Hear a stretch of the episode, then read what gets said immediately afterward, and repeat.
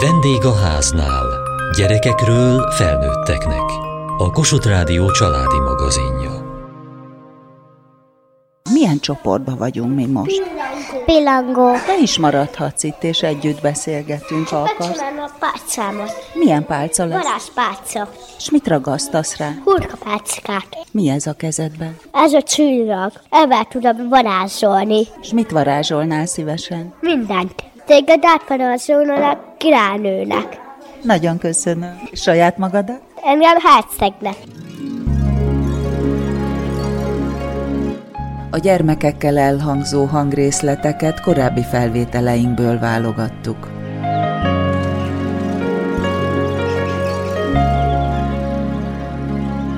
Hagyomány és újítás volt a témája a hatodik kisgyermeknevelési konferenciának Vácon, melyet az Apor Vilmos Katolikus Főiskola és Martonvásár szervezésében tartottak meg. Drámapedagógiai és bábjátékos workshopon voltunk. A legfontosabb cél a közös játék. Dr. Zóka Katalin az óvodapedagógus szak, szakfelelőse, anyanyelvi nevelést, oktat és irodalmat. Leendő pedagógusok és végzett pedagógusok is átéljék, milyen az irodalmi játékhelyzet, és hogy hogyan lehet megeleveníteni már ismert szövegeket, vagy ahogy kolléganőm Székely Andrea választása alapján esetleg még ismeretlen, akár szürreális meséket, milyen műfai szabályai lehetnek a megjelenítésnek, a dramatizálás ötleteinek kipróbálása. Milyen lehetőséget ad ez az óvodapedagógusoknak a mindennapi munkában?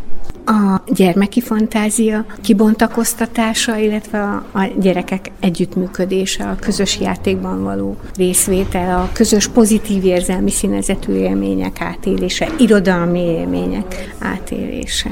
És mindezt játékosan, gyerekközpontúan természetesen. Azt hiszem azt láthattuk, hogy mi felnőttek is, hogy élveztük a közös játékot, és hát ez az irodalmi élmények megélése, illetve egymás megismerése. Mert hogy itt közösen kellett megalkotni egy-egy mese dramatizálását. Igen, hogy hogyan elevenedik meg az eszköz, bármiből bármi lehet, egy parafadugó málna lehet, illetve hogyan tudjuk hangunkkal megjeleníteni a, a szereplőket. Aztán Székely Andrea kolléganőm területe a bábok színessége, a különböző bábfajták jelentősége a történetek alakításában. Nagyon fontosat mondtak a bevezetőben, hogy az óvodapedagógusnak legyen köze ahhoz a szöveghez, vagy ahhoz a témához, amit a gyerekek elé tár. Igen, nem beszéltünk össze, de úgy tűnik mindkettőnk veszőparipája az óvodapedagógus ízlése, illetve az irodalmi szöveggel kapcsolatos érintettsége, hogy ez átsugárzik, a gyerekek érzik, hogy olyan szöveggel, hát ők nem tudják, hogy szöveggel, de hogy olyan alkotással foglalkoznak, amihez a pedagógusnak kötődése van, valamit azon keresztül magából is ad a gyerekeknek. Az is elhangzott, hogy lehet, hogy a gyerek teljesen más részletébe fog belekapaszkodni, de ezek nekünk közös kapaszkodó pontjaink lehet lehetnek. Igen, én is azt gondolom, hogy ez az egyik legjelentősebb része az irodalmi nevelésnek, hogy mutassunk példát is a gyerekeknek. És nagyon jó, hogy az óvodai nevelésben szabadság van, hogy az óvodapedagógus ízlésére is van bízva. Persze, nyilván kijelölhető, hogy mi az, ami gyerekek számára megjeleníthető. Az óvodai nevelés országos alapprogramjában ott is van, hogy a hagyományos műfajoktól a kortás mese versirodalomig válogathatunk. Itt most felnőttek hozták létre ezt a pár perces kis bábozást, de a gyerekek is ugyanígy képesek önmaguktól, vagy egy picit a felnőtt segítségével erre a tulajdonképpen színházi élménynek a létrehozására? Igen, és ez a legfontosabb, a közös élmény, nem az előadás létrehozása is. Igen, hát a pedagógusnak az a jó, ha a gyerek úgy érzi, hogy a pedagógus a játszótársa, de persze ő azért ebben tudatosan irányít, meg úgy vesz részt, de valóban facilitálhatja csak a folyamatokat. És nem is a produkció létrehozása a cél, hanem hogy együtt átéljék az irodalmi élményt, és hogy benne legyenek, ugye, amit Bárány Márta mutatott a természettudományos tárgyaknál is, hogy lehet megeleveníteni, hogy lehet involválni a gyereket a folyamatba, és ezzel a tudást sokkal inkább elmélyíteni a gyerekben. Mi van a kezetekben? Hát egy zsiráf, meg van egy tehén, és arról szól, hogy ez a fiú zsiráf elmegy megkeresni a atya fiait, és, és találkozik egy kutyával, egy gekkóval és egy tehénnel, és találkozik egy lány zsiráfval, akivel összeszerelmesedik, és akkor szülnek egy kicsi zöld zsiráfot. És te melyik leszel? Én a fiú zsiráf. Én pedig a lány. Én leszek a fa, amiről legelnek a zsiráfok. Én pedig a szikla, és még a kutya. A sziklának mi a szerepe? Az, hogy a gekkó felmászik. És majd a fiú zsiráf nem tud rá felmászni, és rá fog esni. De igazából én készítettem a sziklát. Igen. Én vágtam ki, és én színeztem ki dramatizálás és bábjáték történt ezen a műhely foglalkozáson. Székely Andrea a drámapedagógia szakfelelőse. Itt volt hagyományos mese, a Sűn és volt egészen szürreális mese, és használtak mosogató szivacsot, szerencsére nem mosogatásra, hanem valami egészen más fantáziavilág elevenedett meg itt a teremben. Önnek mi volt a szándéka ezekkel? Hát pontosan az, hogy, hogy a hagyomány és újítás az a fókusza, és Szóka Katalinnal arra koncentráltunk, hogy, hogy hagyományosabb történetek is, hagyományosabb bábtechnikák is legyenek, hagyományosabb szövegfeldolgozások, de legyenek más dolgok is, mint tárgyjáték, árnyáték, játék textilekkel, kesztyűkkel, ami egy picikét megmozgatja a jelenlévők fantáziáját.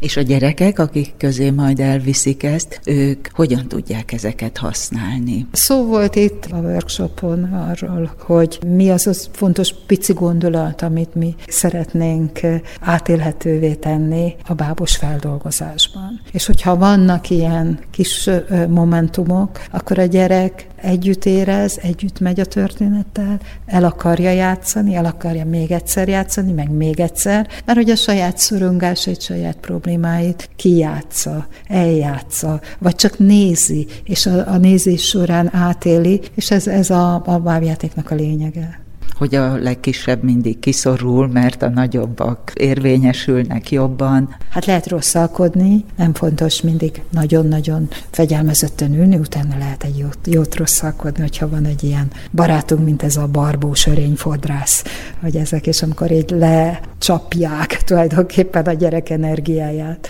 a szülők vagy pedagógusok, akkor találjunk meg olyan játékokat, amiben ott van, hogy igen, egy picit lehet rosszalkodni, attól még nem lesz rossz az élet. Vagy hát a fantázia világ, ugye, hogy mennyire kitágul, hogy mindenből lehet minden, tényleg ruhacsipesz, elromlott esernyő, váz, minden szerepet kapott most. Igen, hát ez a lényeg. Én úgy gondolom, hogy a, gyerekek ezekbe a tárgyakban megtalálják a körülöttük levő világot. Szóval az animáció az pont az, hogy, hogy ők egy bizonyos életkorban még mindent látnak, minden él körülöttük. Ezt nekünk, főiskolai tanároknak újra kell tanítani a hallgatóknak, hogy bátran vegyék elő magukból azokat a kis emlékeket, amik ezt felidézik, amik megidézik, és akkor így közelebb tudnak jutni a gyerekekhez is.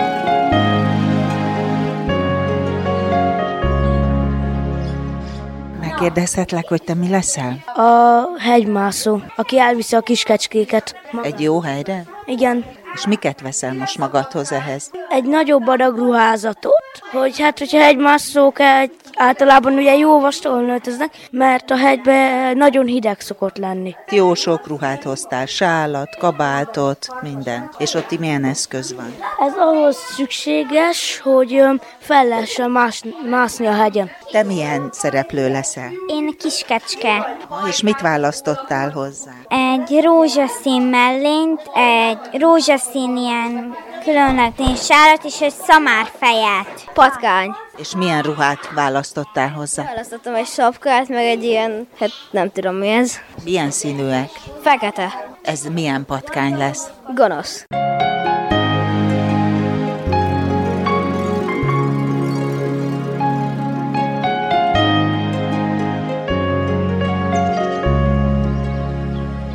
Az élmény alapú játék sokkal hatásosabb a tudás átadására. Ön ezt nap mint nap gyakorolja. Itt például a Duna eredése és országokon áthaladása és a megérkezése a tengerbe, hát egy fantasztikus módszerrel tanította ezt most meg nekünk. Bárány Márta pedagógus. Az élménypedagógia talán a leges legfontosabb, és még ami nagyon fontos, hogy a hallgatók megtanulják, hogy minden órán ezt be lehet építeni. A pedagógusnak hatalmas szabadsága van. Nem minden pedagógus tudja, hogy van hatalmas szabadsága. Minden órába beiktatható. Legyen az reál vagy humán, egy fizika órára, egy földrajz órára, történelemre, anyanyelv, olvasás, matematika, bárhol. És valóban, ahogy mondta, a gyerek sokkal, de sokkal jobban megtanulja, átéli, játsza, eljátsza, megérzi, és megragad benne. Most mi vízmolekulák voltunk konkrétan, és egy földre fölvázolt bögrében ott csoportosultunk, és a különböző halmazállapotokat próbáltuk megjeleníteni. Nyilván, ha ezt egy kisiskolás ugyanígy átéli, akkor lesz élménye arról, hogy mi történik a vízzel.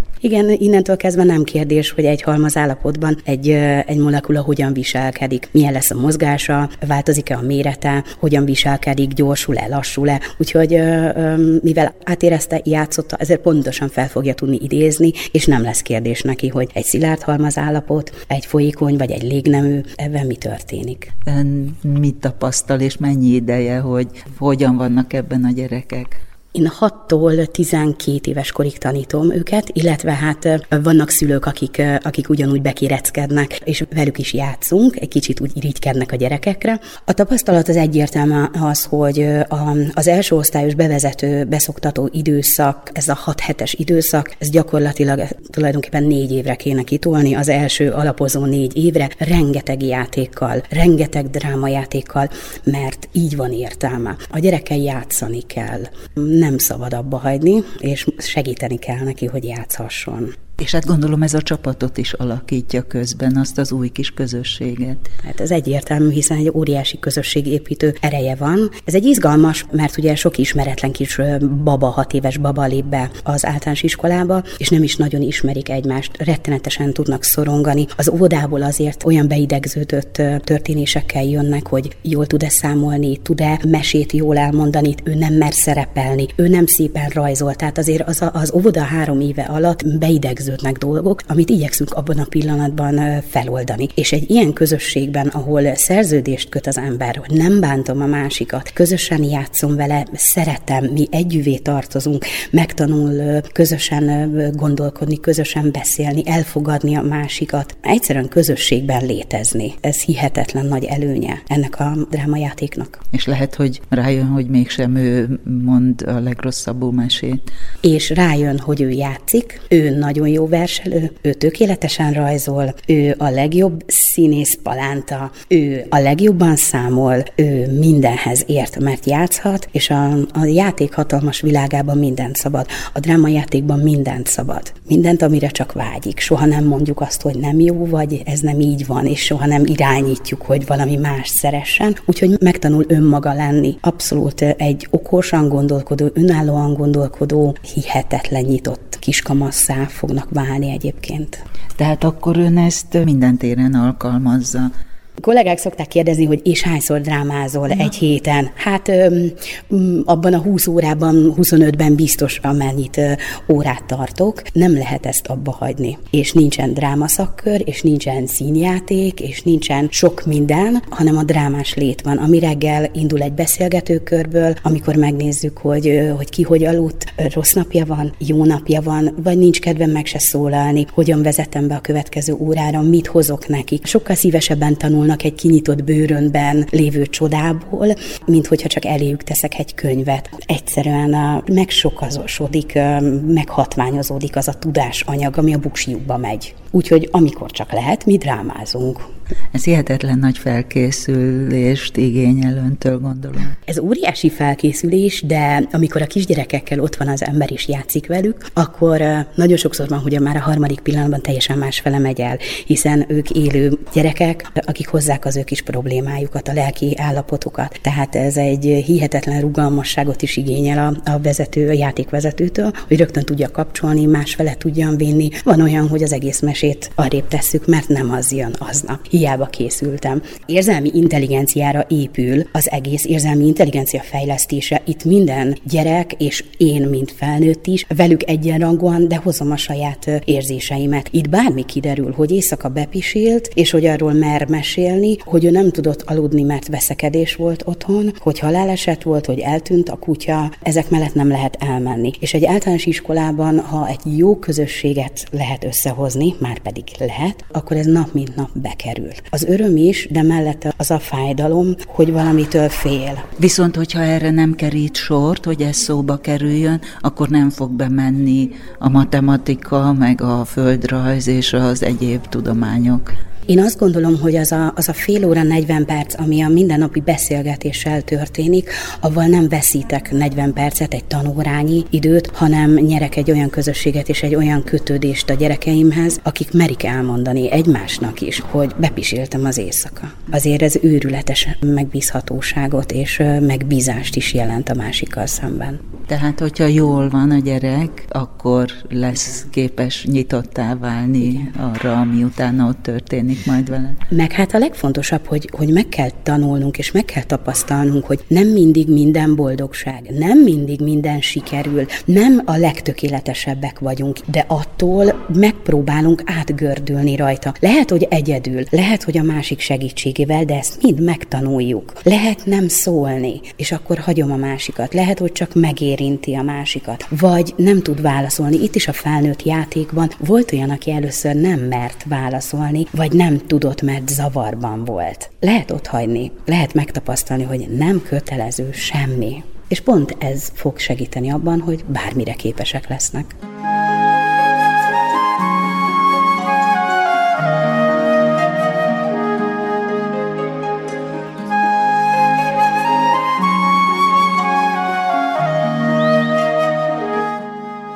Dobson Zsófia óvoda pedagógus a természetes alapanyagok helyéről és szerepéről és lehetőségeiről tartott előadást, és hát a legfontosabb mondat, amit én meghallottam amellett, hogy természetes anyagok és fenntartható, hogy lépjünk ki a térbe, a síkból. Főleg most az online világban mindenki nagyon visszaszorult a két dimenzió közé, de az óvodai alkotások között is ön úgy tapasztalja, hogy sokkal több a síkban dolgozás, mint a térben, és milyen anyagokat ajánl ehhez. Az az igazság, hogy tényleg nagyon sokat vagyunk bezárva, és ezt értem az alá is, hogy a gyerekek az óvodai csoportszobában nagyon sok időt töltenek. Az udvari levegőzés, az udvari játék, a szabad játék az nagyon fontos. Mégis azt gondolom, én, aki környezeti nevelőként, erdőpedagógusként nagyon sokat és nagyon sok csoportot vittem Börzsönszerte, meg a Fertőtájon is korábbi munkahelyémen, hogy lépjünk ki a gyerekekkel az óvodakapun, és egy nagyon szép és nagyon csodálatos világ tárul elénk, szeretnénk, ahova nem kell magunkkal kivinni a hobbiboltokban vásárolt írószereket, papírt, hanem mindent meg fogunk ott ahhoz találni, hogy abból játékot készítsünk, vagy egy adott témakört, egy nevelési feladatot kiegészítsünk demonstrációs eszközként, játékként, egyszerűen élményt nyújtva szabad levegőn, az anyatermészet ölelésében. Most a fűz alapanyagot hozta bemutatni, mi mindenre alkalmas. Én korábban lettem kosárfonó és népi játszóházvezető, mint pedagógus. Az élet úgy hozta, hogy harmadik diplomám lett az óvodapedagógiai szakképzés, és júliustól dolgozok óvónőként. Én néhai Székely Éva kosárfonó mester tanítványa vagyok, és a Hagyományok Házában tanultam a kosárfonó kismesterséget. Azzal a plusz szemlélet szeretettel tudok nyúlni az anyaghoz, amit az Évától én kaptam, és ezt az örökséget szeretném én pedagógusként is továbbvinni, és minél több gyermekkel, és így rajtuk keresztül a családokkal is megismertetni, hogy mennyi sok szép dolog rejlik, nem csak a, a kézzel font kosáripari termékekben, egy piaci kosárban, egy kandallós kosárban, vagy egy régi típusú diótartó babában, vagy aszalóban, hanem magát a fűz növényt is kellő tisztelettel megismerve nagyon-nagyon sokféle módon tudjuk pedagógusként használni. Olyan udvari építményeket mutatott itt csak diákon, ami alagút, barlang, de labirintus is, amit hát gondolom hihetetlen élvezettel és fantáziával vesznek birtokba a gyerekek. Igen, bízom benne, hogy minél több óvodában megjelennek ezek a bizonyos fűzépítmények, és az a titka ezeknek, hogy az emberek nagyon sokféle arhaikus tudással bírnak. Például sohasem kell mondani egy gyermeknek, hogy bújjon át egy kapun, menjen be egy ajtón, vagy úgy tekintsen egy fűzépítményre, hogy ez az égbolt alatti zárt világ, ahol ő bármi lehet, és bármivé el tudja magát képzelni, vagy oda el tud bújni. Ezek a bizonyos arhaikus képzetek, és ezek a fűzépítmények a maguk kör alaprajzával, a térbeli kialakításukkal mindezt a célt szolgálja, teljesen tudat alatti módon, én azt gondolom, és emiatt is tartom azt fontosnak, hogy az óvodai vizuális és esztétikai nevelésben ezek a fűzépítmények megjelenjenek mint eszközök, mint udvari elemek, és mint a szabad játéknak a legfontosabb elemei. Ön miket tapasztal a gyerekek között, hogy melyiket szeretik, és hogyan használják ezeket? Azt tapasztalom, hogy minden, amit a gyerekek saját maguk a két kezükkel együtt készítenek az óvodapedagógussal, vagy otthon a szülőkkel, nagyszülőkkel, azok a játékok, a festékek, bármilyen másik eszköz, vagy az az adott élmény, az lesz meghatározó, és soha nem ér fel bármelyik boltban vásárolt műanyag termék azzal az élménnyel, amit a közös munka és a munka utáni közös élmény vagy alkotás adhat.